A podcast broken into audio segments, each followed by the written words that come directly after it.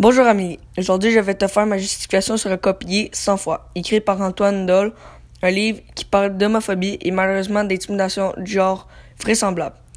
C'est un gamin qui subit quotidiennement la violence de ses camarades, à l'école simplement parce qu'il est pédé. De plus, avoir un père qui vous rejette, qui vous rejette pour qui tu es, tout aussi pénible que se faire intimider. De cette histoire, il y a beaucoup d'émotions dans ma justification. Je parlerai sur les personnages et l'intrigue. La question que je me pose est ce que le petit garçon va se faire accepter pour qu'il est en premier. Pour les personnages, je trouve que le personnage principal à 13 ans a subi beaucoup d'injustice et et que les gens qui jugent les homophobes sont mal placés pour parler. De plus, le père qui veut décider la vie de son fils est quasiment de la maltraitance envers son enfant.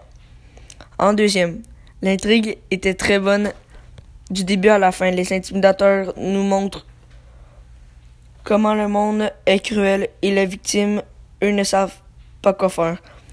Se laisser intimider, ce qui est tout à fait, tout à terrible.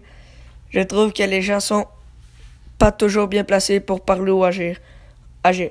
Malheureusement, le monde est comme cela. On peut rien faire à moins que quelqu'un trouve le, le moyen d'arrêter l'intimidation.